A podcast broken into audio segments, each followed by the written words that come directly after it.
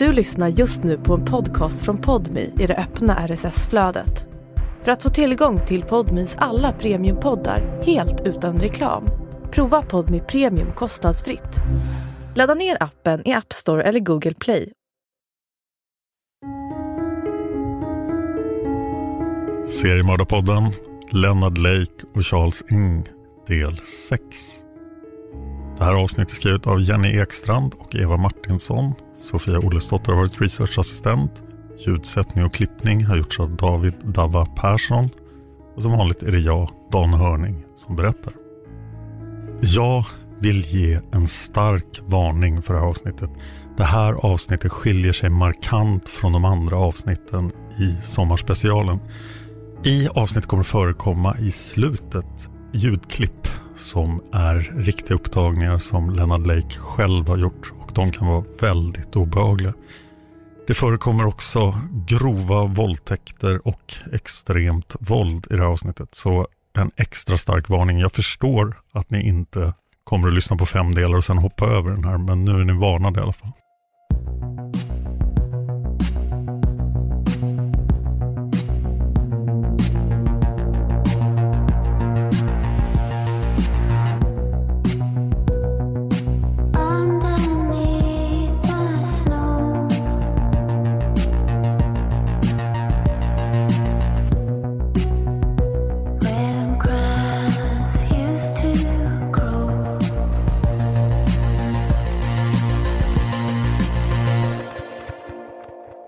Robin Scott Stapley med tilltalsnamnet Scott var medlem i organisationen Guardian Angels. En organisation vars syfte var att skydda oskyldiga människor mot brottslingar. Guardian Angels hade startats 1979 och hade först varit tänkt att fungera som skydd för människor i New Yorks minst sagt stökiga tunnelbana. Men organisationen hade snabbt blivit en framgång och spridits över hela landet och senare över hela världen. 1985 fanns den i många av USAs större städer. Scott Stapley var en man som närde ett starkt rättvisepatos. Han hade funderat på att bli advokat, men han hoppade av utbildningen eftersom han började fundera på att bli lärare och säkerställa att den nya generationen som växte upp fick bra värderingar istället. Men till slut tog Scott en examen i politik och sociologi och fick jobb på ett medicinbolag. Scott hade tränat brottning under hela sin uppväxt och att vara stor och stark är en fördel när man är en volontär för Guardian Angels. Organisationen hade en helt nystartad gren i Scotts hemstad San Diego och de var tacksamma över att Scott var med i gruppen. Efter ett tag hade Scotts engagemang tagit honom upp till toppen av San Diego-avdelningen. Guardian Angels grundare Curtis Sliva fick upp ögonen för Scott och gav honom ansvaret för att starta upp nya avdelningar i Las Vegas, Hollywood, San Francisco och Oakland. Scott bodde ihop med sin flickvän Tori Doolin och hennes lilla dotter. De hade ett på och avförhållande och ömsom bodde de ihop och ömsom gjorde de slut. En sak som höll ihop Scott och Tori var att de hade många gemensamma vänner. Även när de hade gjort slut träffades de när alla deras vänner träffades och då kom du på att de ju faktiskt tyckte om varandra. Och så flyttade de ihop igen. En av Scotts bästa vänner var Lonnie Bond, 27 år gammal. Lonnie och Scott hade träffats under en bergsvandring i Sierra Nevada. Scott beundrade Lonnies styrka och beslutsamhet. Flera av Lonnies fingrar på hans vänstra hand var deformerade men det var ingenting som hindrade Lonnie från att följa sina drömmar. Lonnie såg aldrig några hinder, han såg bara möjligheter. Lonnie Bond och hans flickvän Brenda O'Connor hade fått en son i april 1984. De hade döpt honom till Lonnie Bond Jr. Lonnie ville flytta med Brenda och deras lilla bebis bort från San Diego och den stora staden. Lonnie hade alltid längtat efter att bo på landsbygden och nu när de hade en liten bebis kändes det allt viktigare. Han och Brenda fick tipset om att naturen i norra Kalifornien var både vacker och orörd och dessutom var priserna på små gårdar låga. En mäklare visade dem ett par stugor i närheten av Wilseyville. Paret fastnade för en av dem och skrev ivriga på köpekontraktet i mitten av januari 1985. Den 1 februari 1985 hade Lonnie Bond, Brenda O'Connor och lille Lonnie Bond Jr flyttat in i sin nya bostad uppe i de kaliforniska bergen.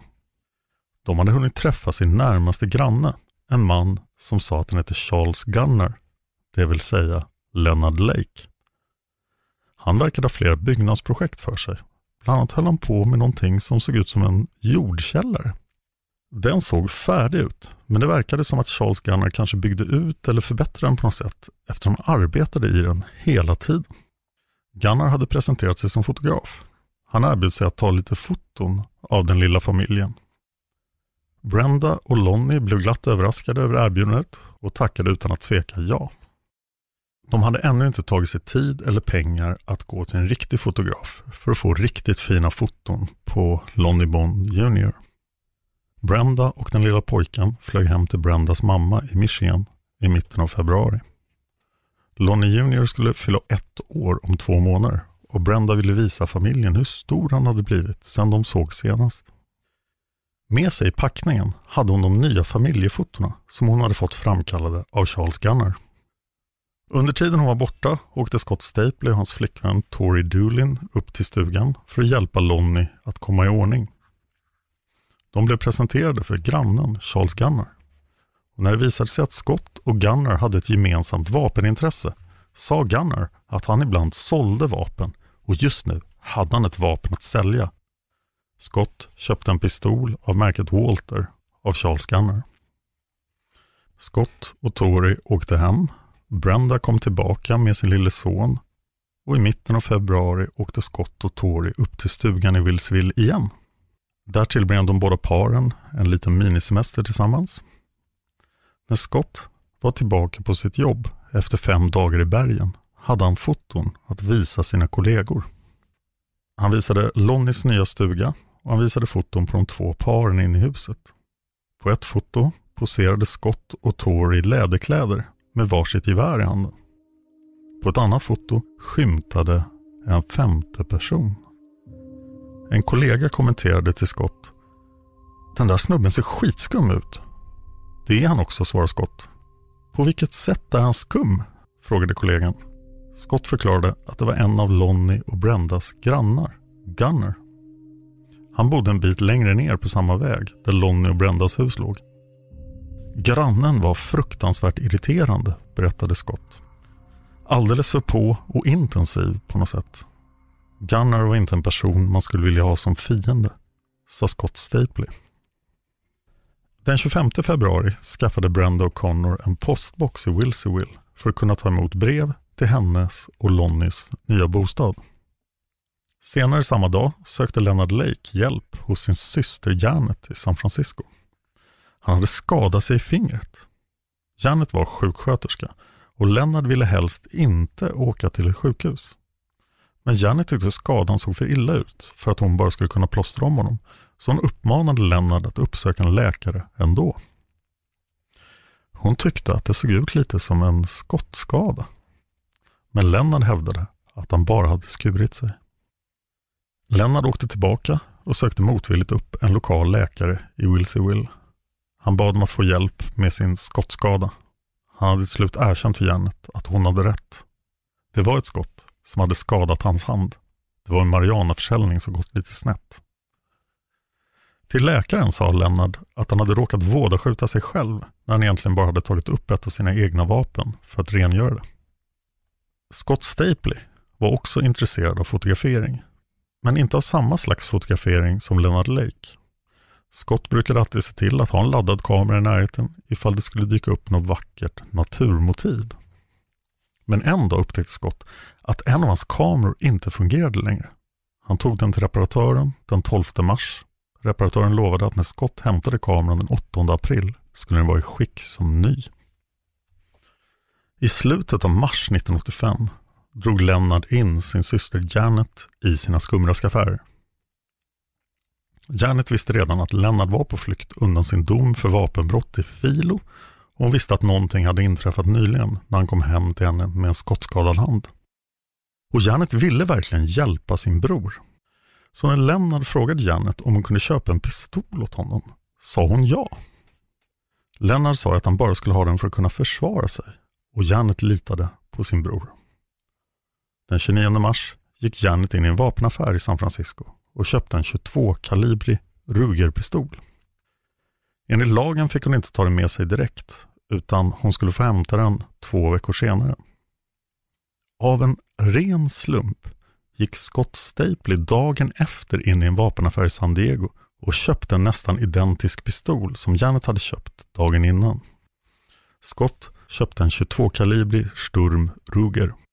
Han skulle också få vänta två veckor på sitt nya vapen och få hämta ut det dagen efter att Janet hade hämtat sitt. Under tiden satt Leonard Lake och funderade på vad han skulle göra nu. Han hade precis sålt Cliff Parentos motorcykel och hade fått lite pengar som räckte för att leva på ett tag. Det var dags att fortsätta projekt Miranda i bunkern. Han hade fått upp ögonen för en ung kvinna som hette Kathleen Allen. Hon kallades för Kathy och var 18 år gammal. Hennes pojkvän Mike Carroll berättade en dag för Kathy att han skulle åka upp i bergen och träffa en man som eventuellt skulle sälja videoutrustning till honom. Mikes stora fritidsintresse var att fota och filma. För att försörja sig jobbade Mike på pizzerian Domino's. Den 12 april 1985 tog Mike med sin kollega Les Stucky och satte kurs mot bergen norröver. Mike och Les kom aldrig tillbaka. Efter någon dag blev Kathy orolig för vart hennes pojkvän hade tagit vägen. Å andra sidan hade han inte sagt hur länge han skulle vara borta. Ytterligare två dagar senare fick Kathy ett samtal till snabbmatsbutiken där hon jobbade.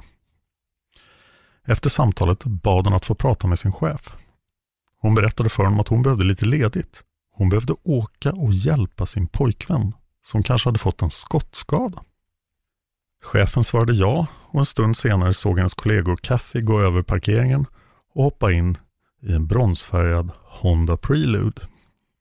De kunde se att föraren av bilen var en vit man i 40-årsåldern. Han hade ett stort skägg som dolde halva ansiktet. Några timmar senare befann sig Kathy inlåst i sexbunkern i Wilseyville. Hon hade blivit intvingad i bunkern av Leonard Lake och Charles Ng. Hon hade blivit avklädd, förnedrad och våldtagen. I ett hörn stod en videokamera som filmade allt som hände. Dagen efter tvingades Kathy ringa till sin chef och be om ytterligare några veckors ledighet. Lennart gjorde det han kunde för att de människor han mördade eller tog till fånga inte skulle efterlysas. Några dagar senare kom det ett brev till både Mikes och Kathys anhöriga där det stod att de hade fått arbete uppe i bergen. Och tyvärr hade de inte fått någon telefon installerad än. Men direkt de fick det skulle de höra av sig. Dagarna gick och bestod av långa sessioner där Lennart fotograferade och filmade Kathy i olika underkläder och helt avklädd. Våldtäkterna fortsatte. Charles Ng var ofta med framför kameran medan Lennart stod bakom. Kathy Allen hade inte lång tid kvar att leva. Under tiden, i ett hus lite längre upp på berget, blev Lonnie Bond och Brenda O'Connor allt mer irriterade på sin konstiga granne Charles Gunnar. Brenda var faktiskt mer än irriterad. Hon var skrämd och hon var arg. Varje gång Lonnie tog bilen för att åka iväg och göra ärenden eller för att jobba dök Charles Gunnar upp och försökte övertala Brenda att posera naken framför hans kamera. Brenda svarade alltid nej, men Gunnar gavs inte. Och samtidigt som Brenda var rädd började Lonnie bli arg. Men också lite rädd. Han hade sett Charles Gunnars stuga. Lonnie hade sett alla vapen och all ammunition som Gunnar hade. Lonnie hade också fått känslan av att Gunnar hade tagit sig in i deras stuga när inte de var där. Lonnie hade tejpat upp hårstrån i dörr och fönsteröppningar för att se om något öppnades medan de inte var hemma. Vid ett tillfälle hade Brenda varit ensam hemma och blivit så upprörd av ett besök från Gunnar att hon hade flytt från huset för att komma bort från honom. Lonnie kände mer och mer att det här började bli ohållbart. Han berättade för en god vän att han snart skulle ta med sin pistol och prata allvar med Charles Gunner. Men trots allt som hade hänt var Brenda och Lonnie bestämda. De skulle fortfarande göra stugan i Wilsonville till sitt eget lilla paradis. De skulle inte flytta därifrån. Brenda åkte till San Diego för att få hjälp av Scott Stapley att köra sina sista saker till den nya bostaden. Trots att hon var rädd för Charles Gunnar hade de fäst sig vid stället. Det var ju där de ville bo. De skulle verkligen inte låta sig skrämmas iväg av ett skjutgalet pervo. Scott, Brenda och Lonnie Jr åkte till förrådet där hon hade sina saker magasinerade. Scott såg fram emot att få hjälpa Brenda. Hon och Lonnie var verkligen hans bästa vänner.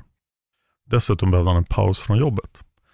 Han arbetade nu inom hemsjukvården som sjuksköterska hade under kort tid fått vara med om ett flertal dödsfall bland sina patienter. Och eftersom många av dem hade varit hans patienter ett längre tag hade han hunnit fästa sig vid dem. Bara de senaste tio dagarna hade tre patienter dött. Scott kände att lite frisk bergsluft skulle göra honom gott. Även Scott Stapley hade börjat gilla det lantliga Wilsey Will. Ett par dagar senare fick Scotts flickvän Tori ett brev där det stod att Scott hade kommit fram till Wilsey Will ordentligt och att han skulle komma tillbaka följande måndag. Brevet innehöll en medveten felstavning av hennes namn. Ett internt skämt dem emellan. Några timmar därpå ringde det på dörren hemma hos Tori. Hon tittade ut genom titthålet i dörren och såg en kort asiatisk man. Hon bestämde sig för att inte öppna dörren. Och det är rätt. Öppna aldrig dörren. Lås alltid fönstren. Lyfta aldrig.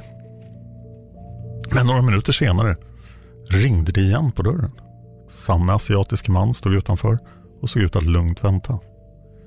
Vem är det? ropade Tori. Det är jag, Charles Gunnar, blev svaret. Tori öppnade och kände igen Charles Gunnar som stod bredvid mannen som hade ringt på dörren. Den asiatiske mannen gick direkt iväg och satte sig i bilen de tydligen hade kommit i. Charles Gunnar presenterade inte sin vän. Tori var stum av förvåning. Vad gjorde hennes bästa vänners galne granne hemma hos henne? Hur hade han ens fått tag på hennes adress? Gunnar började prata igen. Orden snubblade över varandra samtidigt som han lät märkbart oberörd. Charles säger att eh, han hittade dem alla döda i stugan och att han tog ut dem och eldade upp dem i en sån här gammal indiansk traditionell rit du vet. Han sa att stugan var full med kläder. De låg kastade överallt och det var blod överallt också. Men, men vi har städat upp allt. Tori förstod ingenting. Vilka pratade han om? Lonnie, Brenda och Lonnie Jr. Var de döda? Herregud, vad var det som hade hänt? Tori hade fortfarande inte öppnat munnen. Charles Gunnar pratade för fort. Hon hann inte tänka. Gunnar sa att han skulle ta med sig Scotts saker så att alla skulle tro att han hade flyttat. Så att ingen skulle leta efter honom. Tori gav Gunnar Scotts cykel och kläder. Just då lät det som Gunnar sa logiskt. Även om hon inte riktigt förstod varför det var viktigt att folk skulle tro att Scott hade flyttat. Var det för att han också hade dött i stugan? Eller menar Gunnar att Scott var den som hade dödat den lilla familjen och sen flytt? Gunnar berättade att anledningen till att han och Charles Ng hade försökt dölja de döda kropparna och sen stöda ur stugan var för att hjälpa till. Det hade funnits både illegala vapen och droger i stugan och han ville såklart inte att hans goda grannars namn skulle släpas i smutsen nu när de inte längre kunde försvara sig. Tori Doolin rörde sig som i trans. Hon gjorde det Gunnar hade bett henne om. Hon gick runt i huset och försökte samla ihop allting som tillhörde Scott. Charles Gunnar och Charles Ng hoppade in i sin bil direkt när de hade fått Scotts tillhörigheter och körde snabbt iväg. Kvar på uppfarten stod en chockad Tory. Efter ett tag började Lonnies och Brendas familjer undra. Både Lonnie och Brenda hade alltid varit bra på att höra av sig regelbundet. Men nu hade det inte kommit några brev eller samtal på länge. På polisstationerna i Kalifornien blev listorna över försvunna personer längre och längre. Men ingen hade kopplat ihop de olika försvinnandena med varandra. Kanske för att så många andra seriemördare härjade i Kalifornien under den här tiden. Utöver alla andra försvinnanden som inte hade orsakats av seriemördare. Men på de här listorna fanns bland annat Donald Lake, Lennarts lillebror, Charles Gunnar, Lennarts före detta granne, Maurice Rock, en av de boende på Rosa palatset i San Francisco, Det var han som nappade på ett jobberbjudande från Lennart om att sköta om marijuanaodlingar i Wilsonville. Cheryl Okoro, en annan av de boende på Rosa palatset, som helt enkelt bara försvann en dag. Randy Jacobson, en man som träffade Lennart på Rosa palatset och som tackade nej till att sköta hans knarkodlingar i Wilsonville. Han försvann i samband med att han skulle sälja sin bil till Lennart. Harvey Dubbs, Deborah Dubbs och Sean Dubbs. Familjen där pappan Harvey eventuellt skulle hyra ut sin filmutrustning till Lennart. Paul Costner, mannen som skulle sälja den kopparfärgade Hondan till Lennart. Clifford Parenteau, Charles Ings arbetskamrat och hatobjekt. Jeffrey Gerald, en man som också bodde på Rosa palatset. Michael Carroll, en ung man med intresse för att filma. Han hade åkt upp till Wilseyville för att köpa videoutrustning av Leonard.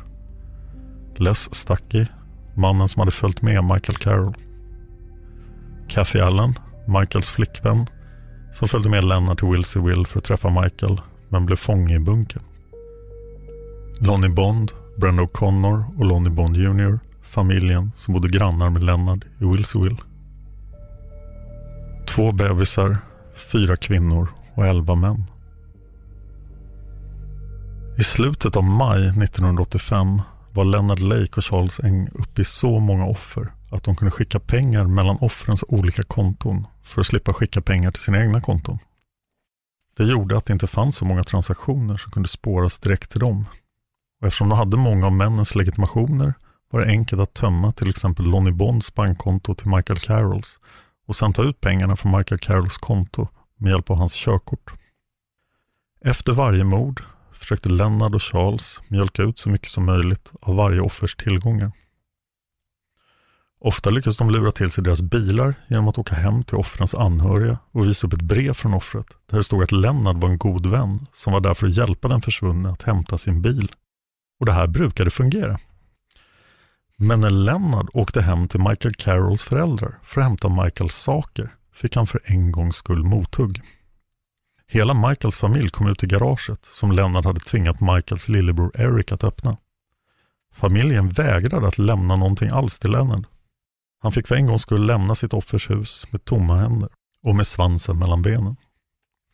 Det här var ett stort nederlag, både ekonomiskt och för Lennarts självförtroende. För att få upp humöret lite åkte Lennart till sin syster Janet. Hon brukade alltid kunna få honom på bättre humör. Han brukade åka dit ungefär en gång i månaden och nu hade det blivit den första juni och det var ganska många veckor sedan han var hos Janet senast. Lennart ägnade hela den första dagen åt små projekt som Janet behövde hjälp med i lägenheten. Dagen efter, den 2 juni, kom Charles-Ing förbi. Lennart och Charles åkte till byggvaruhus för att handla lite saker de behövde. Charles Ng hade på sig en stor parkas. Janet tyckte att det var lite underligt eftersom det var en varm dag.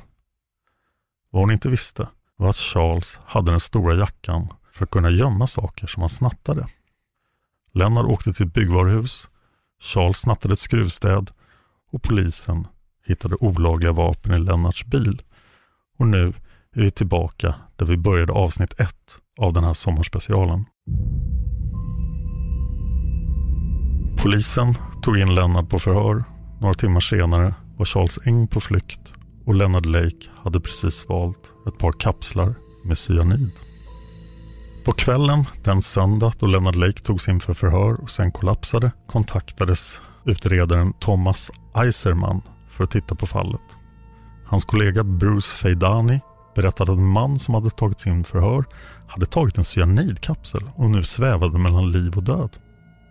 Mannen hade haft vapen i en bil som tillhörde en annan man, Paul Costner. Paul Costner var försvunnen sedan nio månader tillbaka. Thomas Eiserman blev tillfrågad om han ville ansvara för utredningen. Thomas var känd som en hårt arbetande polis. Han brukar normalt sett arbeta med barnmisshandelsfall och med olika sexbrott riktade mot barn. Men det hände att han också arbetade med försvinnanden. Det senaste fallet som rörde försvinnanden som Thomas hade arbetat med var när familjen Dubbs till synes hade gått upp i rök. Thomas kände att han gärna skulle ta sig an fallet Leonard Lake. De behövde också hitta den asiatiske mannen som hade stulit skruvstädet.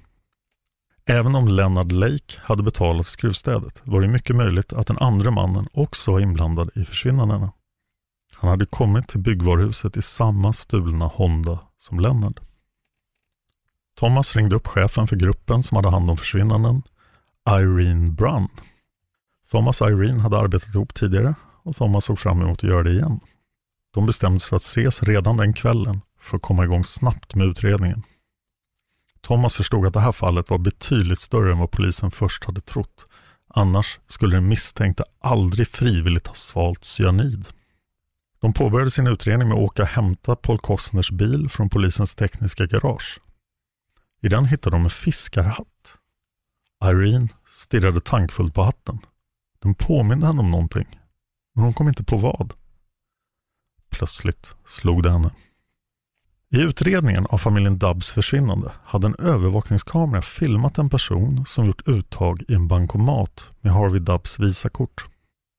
Det var en kort asiatisk man och han hade haft en precis likadan fiskarhatt på huvudet. Thomas och Irene misstänkte att det här var inte bara försvinnanden de utredde. Det var förmodligen mord. Och troligtvis inte bara ett mord.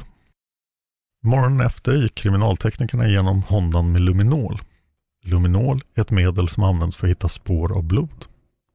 Luminol blir självlysande i kontakt med blod, även om det är blod i väldigt små mängder som man inte kan se med blotta ögat. Flera blodspår upptäcktes direkt på olika platser i bilen. Förutom hatten hittade de även foton av Lennart tillsammans med en barbröstad kvinna. De hittade också ett kvitto från en resebyrå med namnet Charles Gunnar på, ett bankkort tillhörande en Randy Jacobson och flera ID-kort tillhörande Scott Stapley.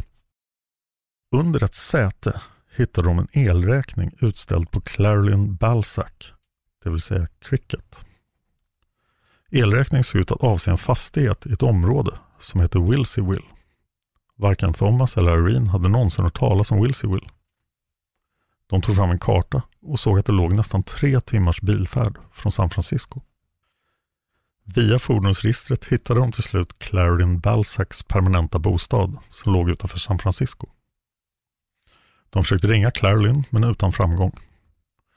När de till slut fick tag på henne och berättade att Leonard Lake låg i koma på sjukhuset efter att ha svalt cyanid verkade Clarilyn knappt reagera.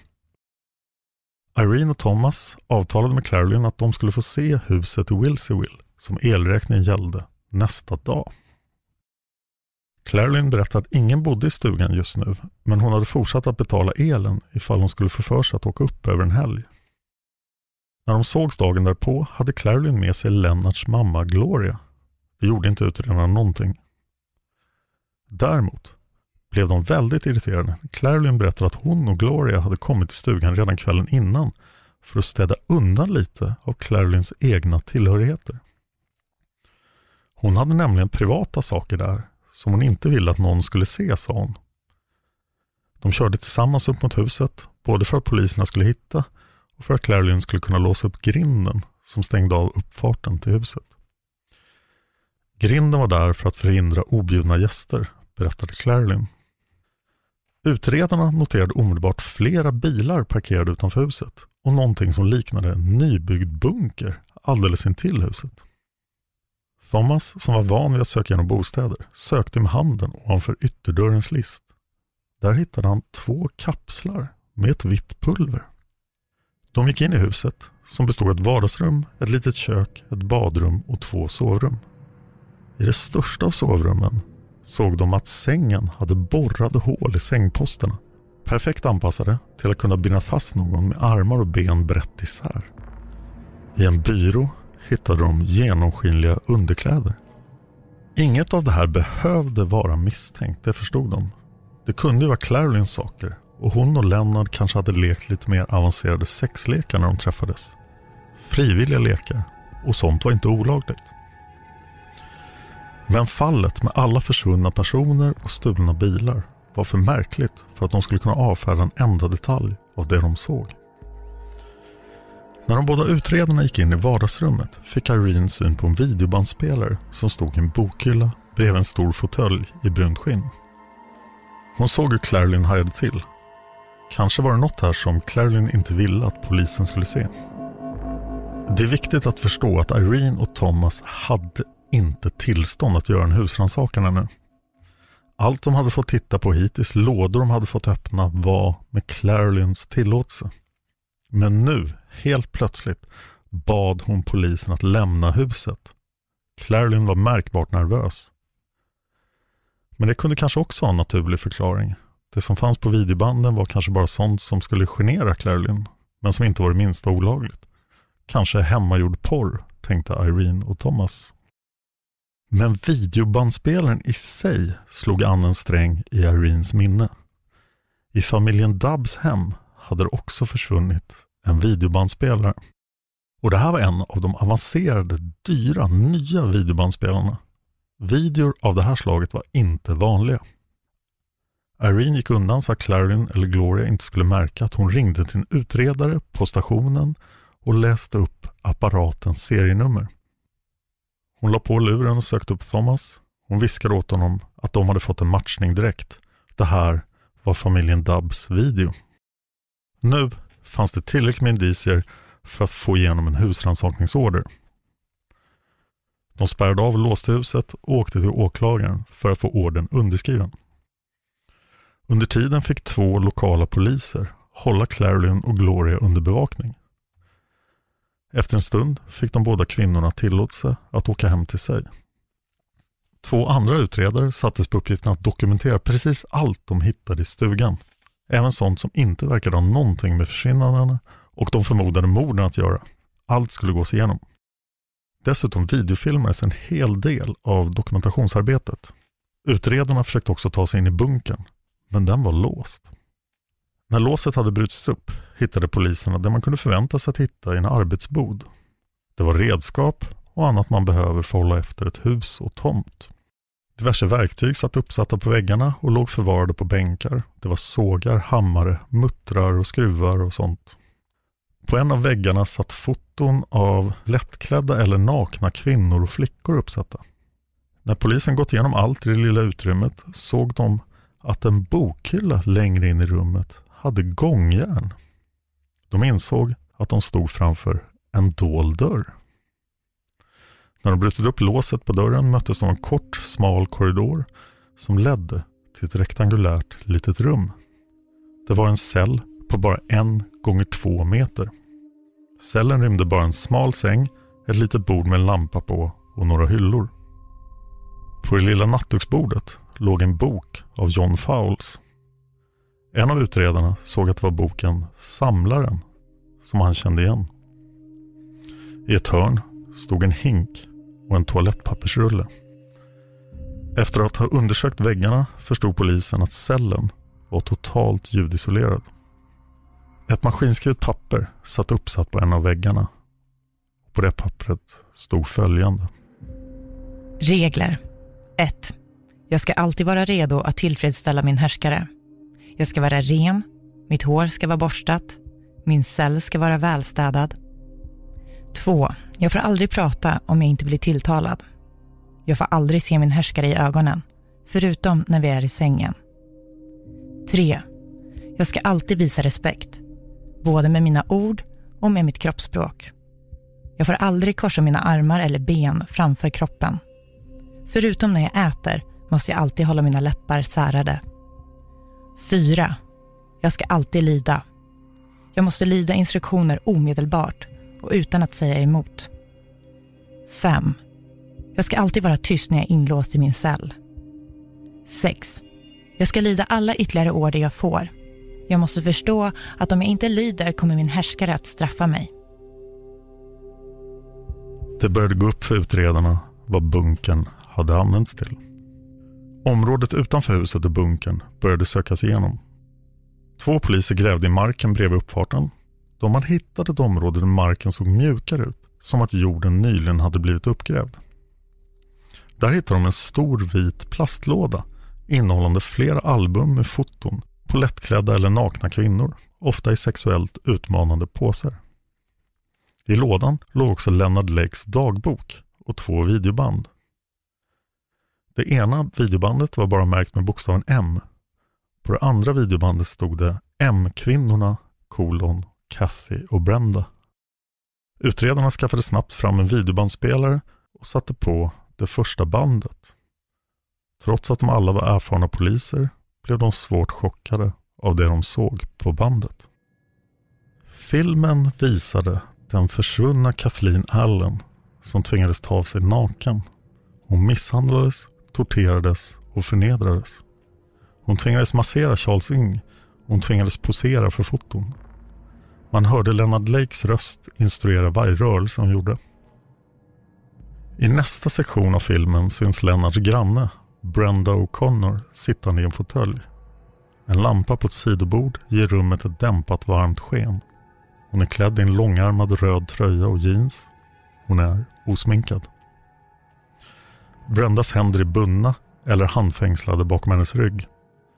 Lennart står bakom kameran och man kan höra hans röst när han svarar på Brendas frågor. Kommer vi någonsin att bli utsläppta igen? frågar Brenda. Förmodligen inte, svarar Lennart. Kommer ni att döda oss? Ja, vet du, det är helt upp till er, svarar Lennart. Men varför gör ni så här?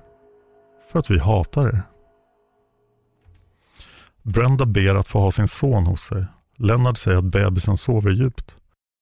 Lennart säger till Brenda att grannarna hatar henne och hennes lilla familj. Ingen vill ha dem i området. Brenda säger att det inte är något problem. De är beredda att flytta. Lennart fortsätter. Det är inga problem. Ni har redan flyttat. Jag kommer att föra bort din bebis. Poliserna som tittar på filmen ser hur Brendas skrämda blick slår över i panik. Vad menar du? Vad ska du göra med min bebis? Snälla ta inte min son ifrån mig. Lennart säger att det finns en familj i Fresno som inte kan få barn. De ska få Brendas son. Charles Ng kommer in i bild. Han är helt klädd i svart. Det är väl bättre att din son får ett nytt hem än att vi dödar honom, eller hur? säger Charles. Lennart fortsätter. Du har ett val nu, Brenda. Du kan lyda oss och vara vår fånge. Du ska tvätta åt oss, jobba för oss och knulla med oss. Eller så kan du säga att du inte vill göra någonting av det här. Då kommer vi att binda fast dig i sängen och våldta dig. Och sen kommer vi ta ut dig utomhus och skjuta dig. Det är du som väljer. Brenda ger med sig direkt. Hon säger att hon kommer att samarbeta för sin sons skull. Charles går fram till Brenda och sliter sönder hennes tröja. Brenda snyftar medan han sätter handfängsel runt hennes anklar. Ge mig bara min bebis, gråter hon. Charles tar fram en kniv och skär loss det som är kvar av Brendas topp. Snart sitter hon i bara bh och byxor. Charles för in knivspetsen mellan hennes bröst. Med ett snabbt snitt har Charles delat den vita bhn i två delar. Lennart säger åt Charles att ta bort handbojorna från Brendas handleder och säger åt henne att resa sig upp. Brenda reser sig upp och svajar och säger att hon mår illa. Bakom kameran håller Lennart upp någonting som Brenda ser. Hennes pupiller vidgas. Vi vet inte vad det är för något hon ser, men det kan vara en piska. Kommer ni att slå mig med den? viskar hon. Nej, förmodligen inte. Eller ja, om du inte lyder oss. Lennart vänder sig till Charles. Det är din tur att vara först den här gången, eller hur? Charles hummar jakande till svar. Charles säger åt Brenda att ta av sina byxor och trosor medan han klär av sig sina kläder. Brenda ber att få sätta sig ner. Hon är yr, hon mår illa. Hon böjer sig framåt och döljer ansiktet i händerna. Lennart och Charles säger åt henne att sätta sig på soffan i hörnet istället och klä av sig där. Brenda hasar dit med sina fastkedjade ben och fortsätter att försöka fördröja det hon förstår är på väg att hända. Till slut tappar Lennart tålamodet och går och hämtar en pistol med ljuddämpare. Charles och Lennart sätter sig på golvet på vardera sidan av Brenda. Lennart tar ett hårt tag i Brendas bröst. Han och Charles börjar prata om Brendas kropp, om den är bra nog. Den duger, säger Lennart. Hon har ju precis fått barn. Efter omständigheterna är det här en helt okej kropp. Charles och Lennart tar av bojorna runt Brendas anklar och drar av henne byxorna. Snart är hon naken. De berättar för Brenda att hon måste duscha. Charles Eng drar upp henne på fötter och drar henne mot duschrummet, ut ur bild. Lennart ropar efter Charles att han inte får glömma att borsta hennes tänder också. Innan filmen stängs av hör man Lennart säga att det hör till reglerna. Man måste vara ren innan man blir knullad. När filmen är slut är ingen av poliserna kvar i rummet. De har en efter en varit tvungna att springa ut för att ta luft. I slutet av det här avsnittet, efter musiken, kan ni höra originalljudet från den här videofilmen. Utgrävningarna på tomten fortsatte. På sex olika ställen kunde poliserna se att det hade grävts nyligen och när de grävde upp där såg de att det nyligen hade eldats på varje plats. De fann också massor med små, små benbitar. Det gick vid första anblicken inte att avgöra om benen kom från djur eller människor. Men polisen befarade det värsta. Under den tredje dagen av utgrävningarna runt stugan i Wilseyville hittades det första hela människoskelettet. Det var kvarlevorna av det som troligtvis hade varit en afroamerikansk man och den här mannen har aldrig blivit identifierad. Nästa döda kropp som hittades var också en afroamerikansk man. Det var kvarlevorna efter Maurice Rock, musikern som hade bott på Rosa palatset och som hade blivit lockad till Wilseyville med hjälp av ett jobberbjudande. Fler och fler skelettdelar hittades. Polisen hittade också en hel del annat nedgrävt på tomten. Fler foton, pengar och smycken som troligen tillhört offren. Allt var prydligt paketerat i lådor. Ofta plastlådor av märket Tupperware. Den kopparfärgade Hondans riktiga registreringsskylt hittades på tomten. Kvarlevorna av Randy Jacobson, den gitarrspelande Vietnamveteranen, hittades nedgrävda. Utredarna mådde fruktansvärt av att genomlida de här utgrävningarna. De var alltid beredda på att hitta fler lik. Och det de var mest rädda för var att hitta liken efter de två små barnen Sean Dubbs och Lonnie Bond Jr. De visste att de här barnen var försvunna och hade, hade med det här fallet att göra. De hade hittat foton och filmer av deras mammor. Överallt hittade de spår efter de försvunna personerna. De hittade ett kvitto från en videoaffär med Harvey Dubbs namn på. De hittade en gitarr som visade sig ha tillhört Jeffrey Gerald. De fann även en buddhafigur och en keramikfisk som saknades i Cliff Parentos lägenhet. Utredarna hittade en skrivmaskin och när den matchades mot de brev som hade skrivits från offren till deras familjemedlemmar visade sig att samtliga brev hade skrivits på just den här skrivmaskinen. När man grävt längst in mot husen flyttades utgrävningen till området precis utanför. Utgrävningarna såg ut lite grann som årsringarna på ett träd. En dryg månad efter att utgrävningen hade börjat hittades liken av Lonnie Bond och Scott Stapley nedgrävda bredvid vägen som ledde upp mot huset. Kropparna låg i varsin sovsäck. De hade blivit skjutna. Deras händer och fötter var ihoptejpade med silvertejp. Båda hade en gagball i munnen. Båda två hade plastpåsar över huvudet. Kvarlevorna efter Lonnie Bond och Scott Stapley var de två sista kropparna som hittades vid stugan i Wilsonville. Fem kroppar hade hittats i sin helhet och drygt 20 kilo benfragment. Rättsläkaren bedömde att skelettdelarna kom från cirka 25 personer. De två bebisarna hittades aldrig. Leonard Lake var död, men Charles Ng var på fri fot. Och han hade försökt göra sig osynlig. Efter att han flytt från byggvaruhandeln kontaktade han sin faster som lånade honom 400 dollar. Charles åkte till sin lägenhet och hämtade lite kläder och annat han trodde att han skulle behöva. Han ringde Cricket som uppdaterade honom på läget om Leonard. Charles förstod att det stod mellan att fly och att troligen hamna i fängelse på livstid eller bli avrättad. Han hade fått höra av Cricket att polisen gick igenom varje kvadratcentimeter i och utanför stugan i Wilseyville och han visste vad de skulle hitta där. Charles behövde lämna landet så fort som möjligt. Med hjälp av Mike Kimotos ID-kort flög Charles först till Chicago där han bodde hos en vän i ett par dagar och sen tog in på hotell. Efter det skjutsade vännen Charles Ing över gränsen till Kanada. Och vi vet egentligen väldigt lite om exakt hur det här gick till. Charles åkte till Calgary, dit en av hans systrar hade flyttat. Leonard Lake hade namngivit Charles Ing innan han tog cyaninkapslarna, så polisen visste vem Lennarts medbrottsling var. De kartlade Charles Ings liv och familj. Snart har de tagit reda på att Charles, förutom i Kalifornien, hade släktingar i Hongkong, England och Kanada. De misstänkte därför att han hade flytt till något av de tre länderna. Polisen i respektive stad där släktingarna bodde fick instruktion att hålla ögonen öppna efter seriemördaren Charles Ng. Det var ganska enkelt för Charles att vara osynlig i Calgary. Calgary hade 1985 600 000 invånare, varav 30 000 hade asiatiskt ursprung.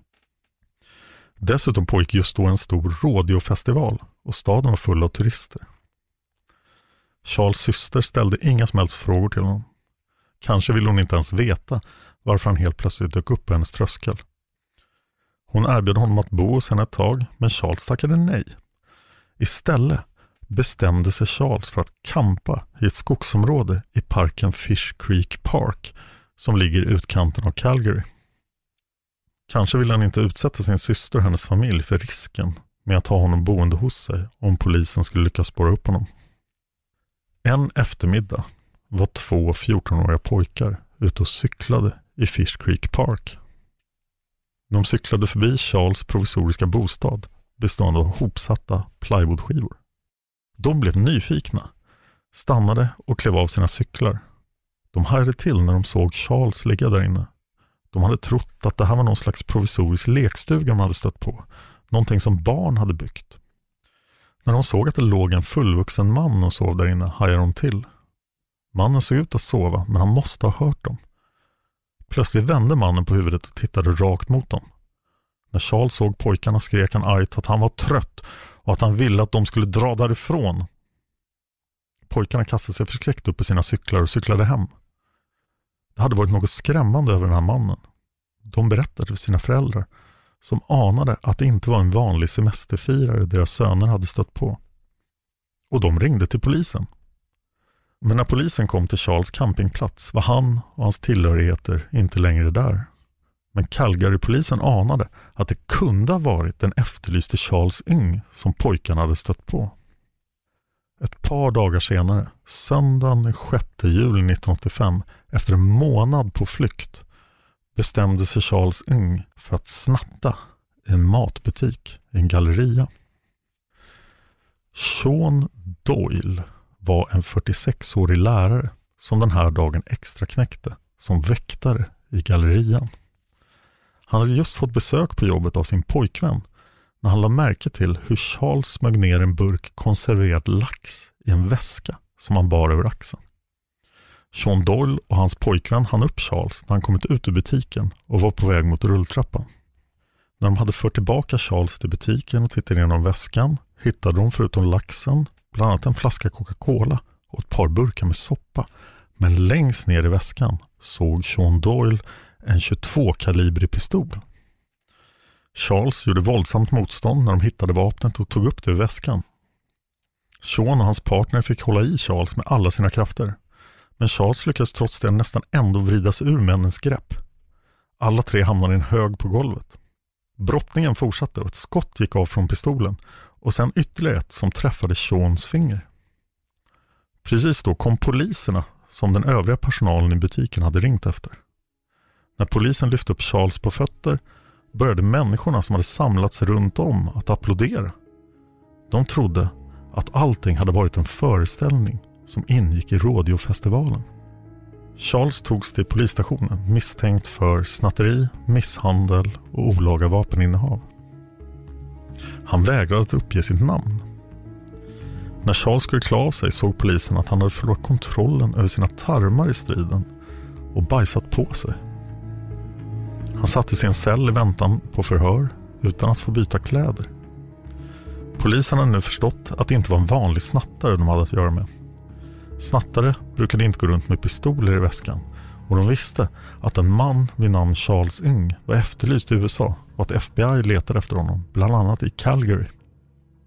När en vakt lite senare tittade in i Charles häktescell genom lilla luckan i dörren för att kontrollera att allt var lugnt såg han att Charles hade försökt ta livet av sig genom att hänga sig med hjälp av sina kalsonger som var nersmetade med avföring.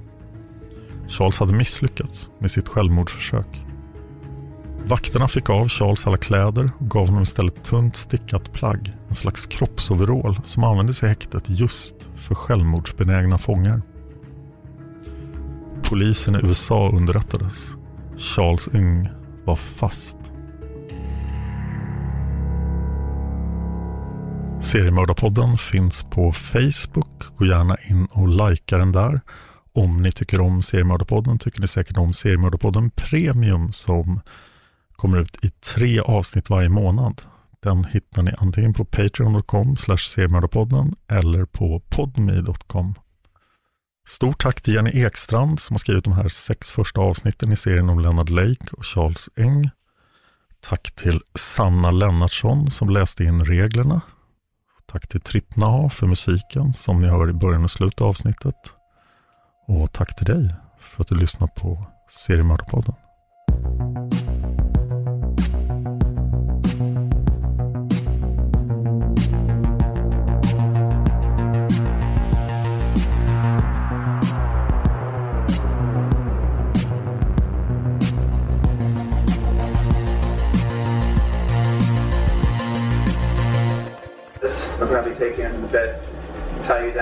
Rape you, shoot you, and bury you. Sorry, lady. Time's up. Make your choice. That's all we wanted to hear. While you're here, we'll keep you busy. You'll wash for us, you'll clean for us, cook for us, you'll for us. That's your choice in a nutshell. It's not much of a choice. Unless you've got a death wish. No, I don't. You let us know. Probably not. Why are you doing this? Because we hate you. Your baby is going to take, be taken away. Excuse me. Uh, I'm going to be breathe. taken away. There's a family down in Fresno that doesn't have a baby. You're not taking my baby. Their son and his baby's dead, right? Oh, they got one now. That's my baby. Brenda, you have it. Her baby is sound asleep, like a rock. Uh, you're, we don't like you. Would I like me to put it in writing? If there's any circumstance whatsoever that leads me to think that you're even attempting to make noise, it's immaterial as to whether I hear you or anyone else hears you. You will be whipped very severely. And tell me you understand. I understand. I'm having a little war within myself between what I want to do and what we might call is the decent thing to do. And for the moment, the decent thing to do is win. So, uh, rest. produceras av I Like Radio. I like radio.